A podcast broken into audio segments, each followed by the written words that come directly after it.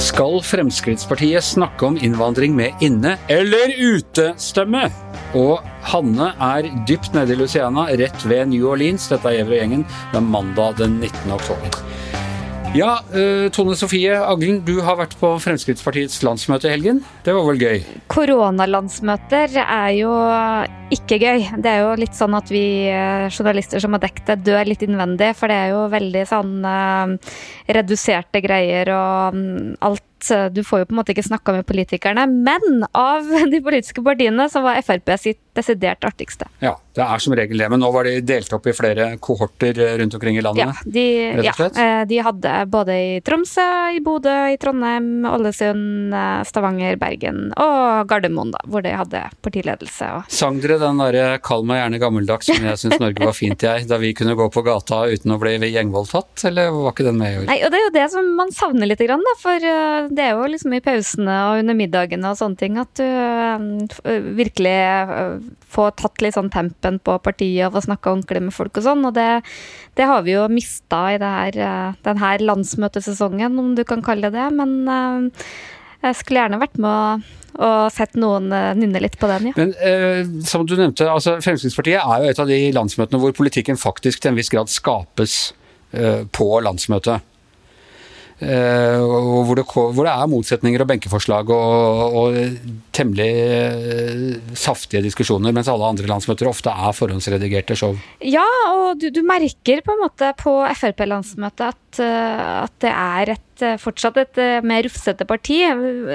Særlig er kontrasten veldig stor til Høyre, hvor eh, alle, nesten alle innleggene er veldig sånn skryte av Erna og skryte av regjeringa og hvor bra det går. og liksom, det Kanskje det mest rampete der var jo litt sånn, litt sånn formuesskatteoppgjør, som ble raskt slått ned på. Men i, men i Frp så har du mye mer sånn rett fra levra-politikere som, som kaller en spade for en spade, som de kaller det. Det, det du får høre ganske mye forskjellig, og, og du skjønner kanskje også hvorfor Siv Jensen, som uh, mange opplever som en veldig sånn skikkelig politiker, og tenker liksom sliter litt med grunnfjellet sitt, at hun, hun, hun må alltid være litt sånn, litt sånn rampete på landsmøtene.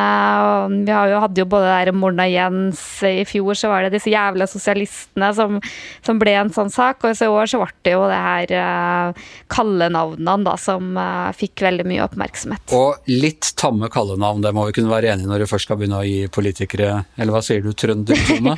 Jo, jeg så at det liksom ble liksom en stor debatt og ble beskyldt for sånn forgiftning av det politiske ordskiftet og mobbing. og liksom Når jeg ser sånn eh, liksom, Med unntak av Vingle-Jonas, da, som, eh, som jeg ikke syns er noe særlig ålreit, eh, så må jeg jo si sånn Ulve-Audun og Kommunistbjørnar og sånn. det Ja, du, hva betyr ulve-Audun? Er det fordi han er for verning av ulv, eller er det fordi han er like farlig som ulven? Nei, det var jo, det var jo en setting, ikke sant, hvor hun skulle liksom eh, markerte veldig mot Senterpartiet, og, og det er jo ikke noe rart, for det er, jo, det er jo dem som på en måte har blitt litt sånn FrPs hovedmotstander, og det hun skulle liksom få fram et poeng, var hvor krevende det skal bli for Senterpartiet å forhandle på den politikken hvor Frp og Senterpartiet er litt sånn på samme lag med, med de folkene. Og da tror jeg liksom Ulve-Audun ble liksom for å vise liksom rovdyrpolitikken til SV.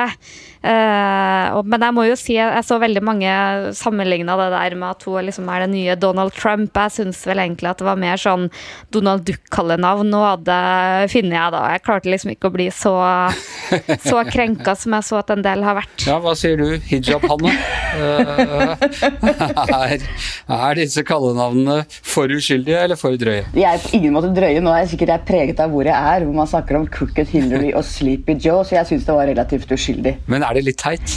Ja, det, er jo ikke så, det er jo ikke så elegant. elegant. Men jeg syns Vingle-Jonas er, er ganske langt innenfor. Det er Arbeiderpartiet husker jeg mange valgkamper hvor de har kjørt på borgerlig kaos og sånne ting. Det er jo ikke noe, det er ikke noe verre Nei, og det. det er jo noe som eh, vi i pressen har jo poengtert mange ganger, og Ja, ja. har jo også skrevet om det før. Jeg ser jo at eh, på borgerlig side så, så gjør de jo det de kan for å fremstille eh, Støre mest mulig vinglete og liksom tar tak i det, og det er jo en strategi fra dem.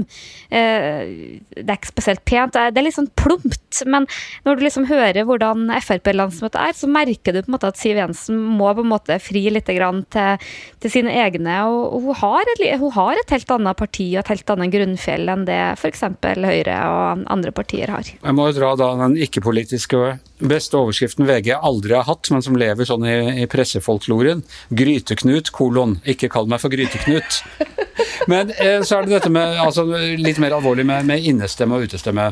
Kjetil Solvik-Olsen, eh, som er en eh, flegmatisk eh, rogalending, han vil at man skal snakke med inn, mer med innestemme i innvandringsdebatten. Altså eh, mer saklig, mindre alarmistisk, og mener at man kan oppnå mer med det. Det ble han ganske avvist på av eh, flere av partiets sterke kvinner. Ja, ja, Siv Jensen var jo en av de som gikk ut og sa at vi skal absolutt ikke snakke med innestemme, vi skal være de som tør. Og, og, men, men jeg må jo si at alt det hun sa, eh, bortsett fra liksom de her kallenavnene som jeg også syns var ganske harmløst, så vil jeg jo si at hun snakka med innestemme. Hun, i, det, var, var ikke antydning til noe sånn assimilering eller litt av det som Carl I. Hagen har tatt til orde for. Hun satt og skrøyt av gründerbedrifter som fikk innvandrerkvinner i arbeid. Hun snakka om søskenbarnekteskap som begynner å bli ganske sånn eh, eh, utbredt, og, og, og være kritisk til eh, men, men det der er jo sånn der, en mye mer sånn grunnleggende debatt i Frp, hvor eh, Solvik-Olsen er jo på en måte en litt sånn hovedeksponent for det makt-Frp, hvor man er mer opptatt av å få gjennomslag, mens kanskje særlig Oslo Frp, Carl I. Hagen, enkelte andre stortingsrepresentanter har vært mer opptatt av at uh, å bruke litt sånn store ord. Ja, få stemmer. Men det som er litt sånn utfordringa deres, da, er jo at det er jo Solvik-Olsen for, for øyeblikket som har liksom empirien på sin side. Eh, Rogaland Frp, som de kaller litt sånn kommunist-Frp i, i partiet, for de, de er jo ganske sånn lyseblå i likhet med Høyre i Rogaland. Eh, de gjør det jo kjempebra på målingene. Eh, eh, Møre og Romsdal òg, som er litt mye mer sånn næringsliv-Frp. og du trenger ikke, noe, trenger å skjemmes over å stemme Frp i Møre og Romsdal. Det er jo det sterkeste laget, mens Oslo, hvor de har hamra veldig mye på det nasjonalkonservative fyrtårnet og liksom vi skal være så streng, så streng, de gjør det jo kjempedårlig. Så, så jeg er litt sånn usikker på hvor mye sånn hold det er i den der eh, doktrinen om at bare man bruker store nok ord, så skal velgerne komme strømmende. Jeg tror, jeg tror kanskje det er litt begrensa hvor mange velgere det er i, i den eh, ytterkanten. Hanne, du har jo tatt til orde for å snakke med innestemme, med innestemme i innvandringsdebatten i, i veldig mange år. Ja. Tror du det er, eh, ser du et håp for at Frp kan eh, begynne å gjøre det? Jeg tror i hvert fall sånn som situasjonen er nå, hvor det er såpass eh, få som kommer til Norge, og hvor det er såpass ro rundt den politikken, så tror jeg at, det, at da har Tone Sofie helt rett at det er det. Da gjør Frp det godt på andre saker, andre steder i landet. Men det er klart hvis det kommer en ny flyktningbølge som vi så i 2015, så kan ting bli annerledes. Eh, Det er veldig avhengig av om folk føler at myndighetene har kontroll ved grensene eller ikke, tror jeg. Men er det ikke nettopp når man snakker med innestemme, og som Tone Sofie sier, at eh, det er mulig å få til noe? Altså Med en gang du snakker med eh, utestemmen, så skremmer du unna, begynner du å skremme unna Høyre, og verre blir det jo lenger inn mot sentrum du kommer. Men hvis du makter å gjøre det med innestemme, så kan du få dratt med deg ikke minst Høyre, da, som, hvor, det, hvor det også er en god del konservatisme mot, eh, mot innvandring. Absolutt, og det er jo egentlig eh, Arbeiderpartiet og Frp er jo egentlig, har vært i realpolitikken enig. Poenget er at det har vært bred enighet om den faktiske politikken i mange mange år. Og jeg er helt enig med deg, Når man bruker innestemme om de spørsmålene, så vil det bli en helt annen ro rundt det. og Både resultatene blir annerledes, og det blir mye mindre polarisert. og Det tror jeg er bra for alle, unntatt de i Frp som ønsker å, å, å på en måte fri til krefter som vi andre ikke syns er noe særlig ålreit. Var det noe snakk om Trump på eh, Frp-landsmøtet? Det må det ha vært. Alle snakker jo om Trump for tida. Ja, det var mye snakk om eh, Trump, og det var eh, flere som sa at de støtta han med enkelte forbehold. Hvem var det som støtta han? Carl I. Hagen sa at han eh, stemme på Trump eh, med visse forbehold, og det sa også lederen i Oslo Frp. Men det har jeg lest i Klassekampen. Og Biden hadde, hadde ikke noe støtte i det hele tatt. Jo da, det var eh, flere som ville stemme på Biden, men det var vel ikke den eh, demokraten som de har mest oppslutning om har jeg en mistanke om.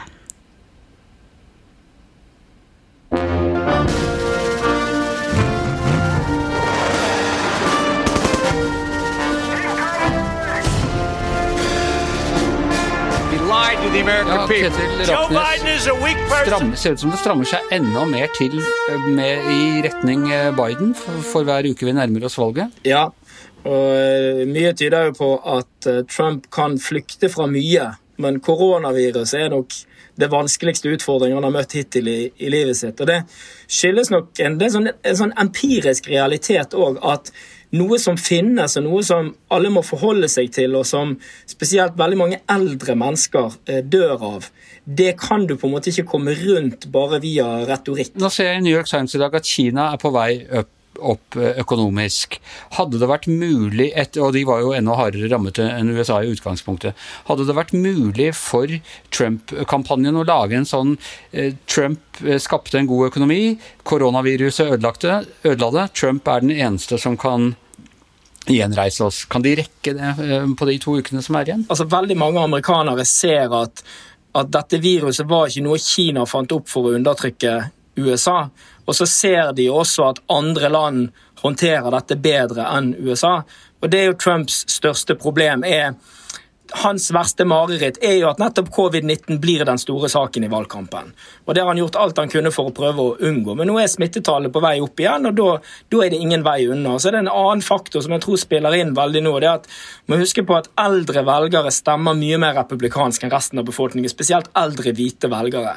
Og Der ser du nå stor bevegelse. Det har veldig mye å si f.eks. i stater som Florida, hvor veldig mange pensjonister eh, eh, eh er som i utgangspunktet er republikanske og at på en måte til tross for at Trump forsikrer de om at dette går bra, så ser det ut som om liksom den usikkerheten sniker seg inn også blant de som i utgangspunktet støtter ham. Er det noe som kan skje utover en terroraksjon, eller la oss si f.eks. at Biden ble syk? Ville det kunne bevege på, på, stemmetallene? Ja, men jeg tror ikke det vil bevege stemmetallene uh, så mye. og Det er jo det som er problemet som vi har snakket om hele tiden, at Trump-kampanjen trenger noe som kan snu narrativet, sånn som du sier. Men så er problemet at narrativet med historien om covid-19 overskygger jo bare alt annet. Og Det er jo ikke en unik erfaring. Det er jo erfaringen meg og deg holder på med her nå når vi står og roter inn på noe Google Chrome for å snakke sammen, og du sitter i karantene. Altså, Vi kommer oss ikke unna. Og sånn endte det også for Donald Trump. Han kom seg heller ikke unna. Og det, Når historien om dette skal skrives, så tror jeg liksom covid-19 bare vil stå der med veldig store bokstaver som en forklaringsfaktor som nuller ut egentlig veldig mye annet. Da vi begynte å snakke sammen for en drøy måned siden, så turte du ikke å si noe om hva du trodde. Eh, tør du å si det nå? ja, jeg sier det samme som at nå er det vel nærmere sånn 85-90 sjanse for at, for at Biden tar dette. Eh, men, men, som sagt hele tiden så er det klart at dette avgjøres jo ikke av oppslutningen på landsbasis. Og den store X-faktoren, en ting vi vet veldig lite om, er hvordan det nå går med alle disse poststemmene og alle de tingene som nå foregår i ulike delstater i USA. For covid-19 handler jo ikke bare om Donald Trump. Det handler jo rett og slett om valgavviklingen i et veldig stort demokrati. Eh, og det er jo en av de store Jeg snakket med noen amerikanere i går eh, som jeg er i familie med, og de hadde levert poststemme for lenge siden, og, og, all, og, og, det var i en delstat hvor de var vant til det. ikke sant? Mens, mens mange delstater har jo ikke hatt dette systemet oppe før, og det gir også muligheter for en stor krangel om legitimiteten til valget, som da er Trumps på en måte strategi nummer to er jo at hvis han taper, så setter han jo alt opp for å fremstille tapet som, som valgjuks eller manipulering. Dette blir bare mer og mer spennende, og, og, valget kan vare lenger. Tusen takk skal du ha, Kjetil Raken. Takk skal du ha. Ja, uh, Hanne, du har beveget deg sørover til en stat som neppe noen gang blir vippestat, om selv Djengis Khan skulle ha stilt opp for eh, republikanerne. Nå er det en demokratisk guvernør her, da. Ja, og det er det jo ofte eh, i en del av, ikke minst i, i sørstatene. Men Louisiana er noe av det mer konservative du finner i USA. Det er nok riktig. Og eh, jeg var i går på, i et selskap hos en gammel dame på 87 år, tante Maggie. Eh, og der var det naboer og venner, og det var alle generasjoner. De hadde samlet inn litt til ære for meg for at jeg skulle snakke med velgere. Eh, du kan jo gjette hva alle der stemte, Anders? Ja, nei, da stemte de vel på Bernie Sanders, da, tenker jeg. det var én i det selskapet, og det vet bare jeg, som kommer til å stemme Biden. For den personen tør ikke å si det til noen av de andre. Alle der tror at også denne personen stemmer Trump. For det var massivt, og det var eh, en gammel historie-college-lærer på 81 år. Det var eh, en ung gutt som studerte økonomi. Eh, det var folk som jobba med IT, det var en pensjonert politimann, eh, folk som hadde jobba med regnskap, det var eh, en sykepleier. Og hva likte, de, hva likte de best? For jeg regner med at dette var ikke egentlig fattigfolk fra Luciana? På ingen måte. Det var veldig splitta. Hva likte de best med Trump? Det var splitta noen, et par av dem, f.eks. han pensjonerte politimannen, han sa at han likte ikke personen og likte ikke tweetinga og sånn, men det var politikken. Han keep his promises. Det var gjennomgangstonen. Han har holdt løftene sine. Eh, og så er de veldig oppgitt over dette med defunding police, lov og orden. Eh, de er opptatt av skatt. Eh, de er opptatt av immigrasjon, selv om de sier at det har han fått mer orden på. Noen av dem elsker jo Trump òg. Hun gamle historielæreren fra college. Hun, hun, var opptatt av at han, Chris, Chris Wallace, at han var så partisk at Trump fikk nesten ikke snakke noen ting og hun bare ga softballs til Biden, så prøvde jeg å si at men han avbrøt jo litt. Ja, det var den eneste måten han kunne komme til orde på, var at han avbrøt.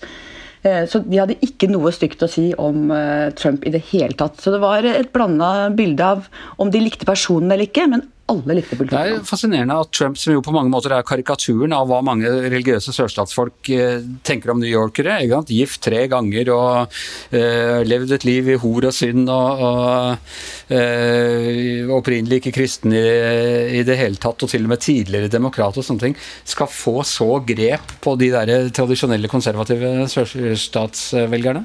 Ja, det er veldig rart, men det er så dypfølt, og det kjente jeg også når jeg var i Florida på et rally tidligere i forrige uke, at det er en sånn jeg tror aldri jeg har opplevd det i Norge, at folk er så ordentlig elsker politikere, altså.